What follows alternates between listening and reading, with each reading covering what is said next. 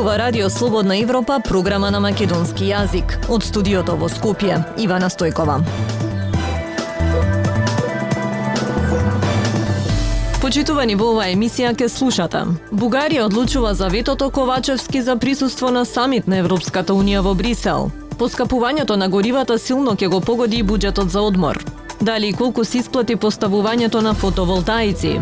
Руско-украинската војна ја зголемува кризата со храна во светот. Независни вести и анализи за иднината на Македонија. На Радио Слободна Европа и слободнаевропа.мк. Бугарското собрание утре ќе разговара за францускиот предлог за тргање на ветото за македонските евроинтеграции, а македонската влада утре ќе соопшти дали премиерот Димитар Ковачевски ќе оди на самитот во Брисел. Утре се очекува и одлука дали на самитот ќе присуствуваат лидерите на Србија и на Албанија. Представниците на Европската унија кои го организираат самитот во Брисел велат дека очекуваат сите поканети да учествуваат на состанокот. Деталите од Пелагија Стојанчова.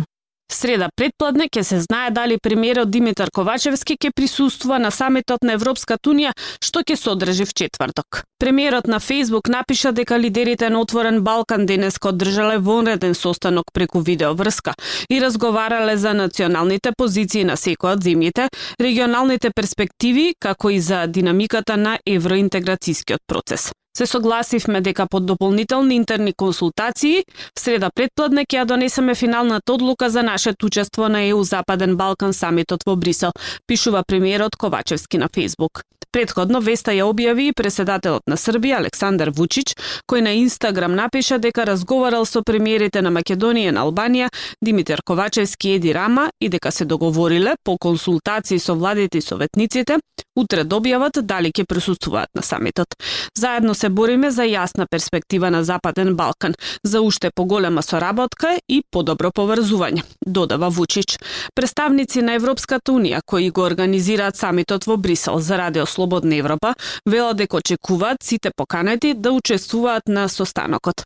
Лидерите на шесте земји од Западен Балкан се поканети да присуствуваат на самитот на Европската Унија, закажан за четврток и петок. А среда е денот кога и Бугарското собрание ќе го разгледува францускиот предлог за тргање на ветото со што Македонија и Албанија би добиле датум за почеток на преговори. Седницата на Комисијата за надворешни работи на Бугарскиот парламент на која треба да се разговара за бугарскиот предлог е загажана за среда попладне. Бугарскиот преседател Румен Радев изјави дека францускиот предлог е чекор кон вистинска насока.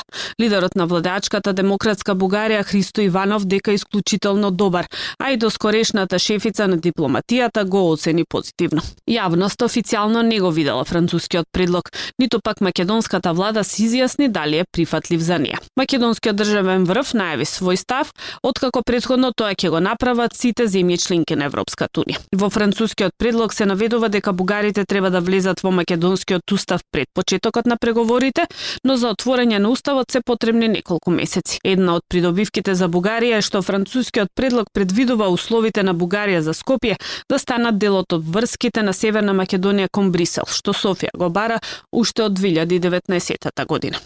Бугарија, која е кочничар на македонските евроинтеграции, поради кои и Албанија нема датум за преговори, пак се соочува со внатре политички проблеми. Бугарскиот парламент на 21 јуни започна расправа за гласање на недоверба на владата на премиерот Кирил Петков. По излегувањето на партијата има таков народ на Слави Трујфунов од бугарската влада, владеачката коалиција сега нема мнозинство во парламентот. Обстојувањето на владата е неизвестно со оглед на тоа што неколку пратеници го напуштија Трифонов, но во среда ќе се знае дали тоа ќе биде доволно за Петков да остане на функција. Наши економски проблеми. Ние разговараме за решенија на Радио Слободна Европа. Поскапувањето на горивата силно ќе го погоди буџетот планиран за годинишниот одмор. Само за пат до Охрид годинава ќе треба да се одвојат 1000 денари повеќе од лани. Најдобро ќе поминат оние што возат на плин. Колешката Јасмина Јакимова направи пресметки колку горивото ќе го изгори џебот на тие што годинава одат на одмор. На прагот на летото, како што растат температурите надвор, се повеќе граѓани почнаа да го планираат својот одмор. Но освен жешкото време, годинава жешки се и цените на горивата, кои ќе бидат битна ставка во планирањето на буџетот за годинешниот одмор. Така, ако само за гориво од Скопје до Охрид и назад, со автомобил на бензин биле потребни околу 2300 денари лани. Годинава истото чини 3500 денари или 1200 денари плюс. Ако возилото е дизел, тогаш е нешто поевтино, па ќе треба да се одвојат околу 2800 денари. Најдобро ќе поминат тие што патуваат со автомобил на плин. Ним лани за истата дестинација им требале 1000 денари, а годинава ќе треба да одвојат 1700. Оние па кои ќе се одлучат да патуваат надвор од земјава, за гориво ќе треба да брцнат подлабоко во джепот. Ако одат кон Халкидики во Грција, кој е едно од најпосетуваните места од македонските граѓани, годинава само патот ќе чини околу 7000 денари.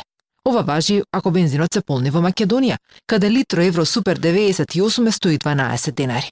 Истиот во Грција чини околу 150 денари. На сето ова секако треба да се додадат и патарините од околу 1000 денари во двата правци, од кои 720 денари се за низ Македонија.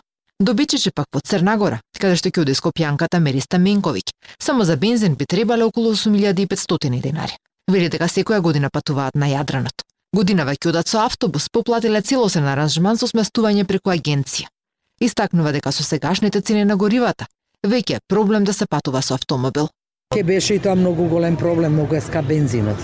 Така да не се исплати во град да го возиш, а не да излезеш ти надвор од нашава Македонија. Поради високите цени на одмор нема да оди Сашо Лусевски кој останал без работа.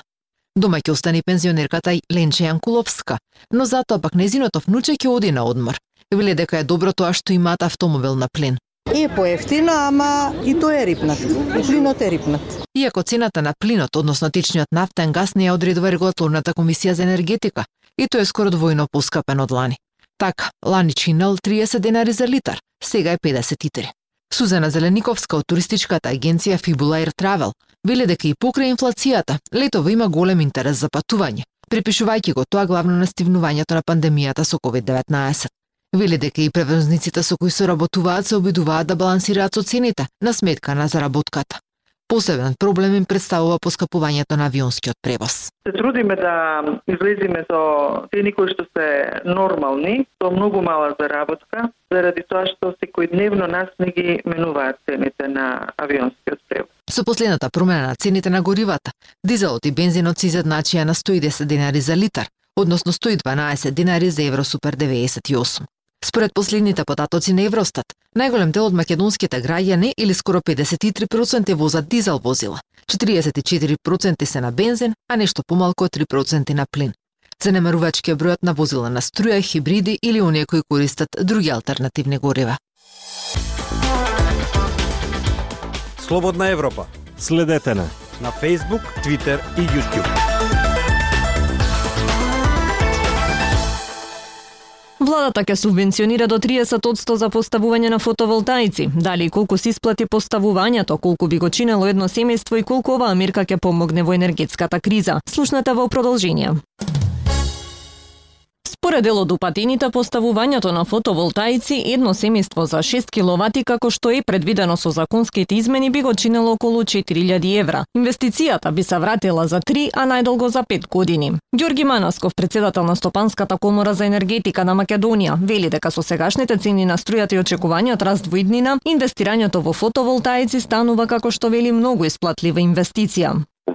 За 6 киловат мета дека цената на, на опремата не би требало да изнесе повеќе од 1000 евра.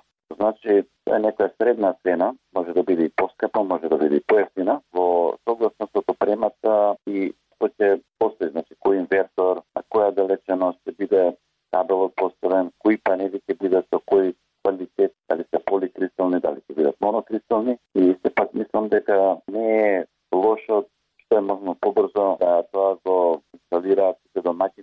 може да се помогне самите себе си во наредниот период кој што доаѓа критичен и ќе бидеме на, некој начин во енергетскава криза уште некој период да се помогне самите, самите себе си. Ова е многу паметен сектор за прав момент, каде што цените кои ќе го инвестираат, а цената на електричната енергија ќе се дуплира, може тоа инвестиција да вратат за некои три години, да кажеме, доколку се очекува да наредната година уште повеќе поскапе електричната енергија, значи инвестиција ќе се врати порано, а најмногу и најлоша варијанта е за некои 4 до 5 години. Интересот за фотоволтаици е големи кај компаниите, вели председателот на Сојузот на стопански комори Трајан Ангелоски. Компаниите со своји собствени средства инвестираат и помагаат на државата со инвестирање во обновливи извори на енергија, додава Ангелоски, но вели огромен проблем е што административните процедури се пресложени, бавни и бараат тон документација. И ние затоа во континуитет реагираме дека процедурите се на вистина многу спори, а многу комплицирани и ние не гледаме потреба од такви сложени процедури. Бидејќи многу често се инсталираат лични објекти на куќите, дали се тоа боџери за топла вода, дали се тоа некои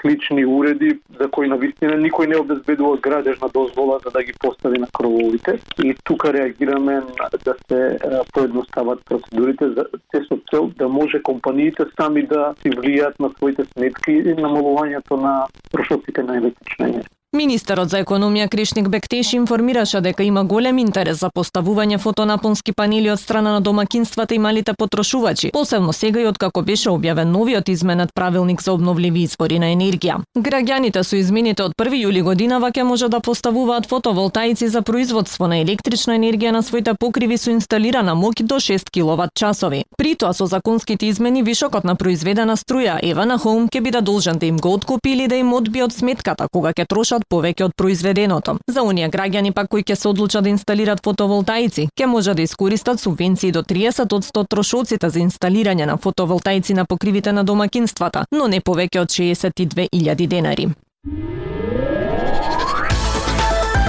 Актуелности свет на Радио Слободна Европа.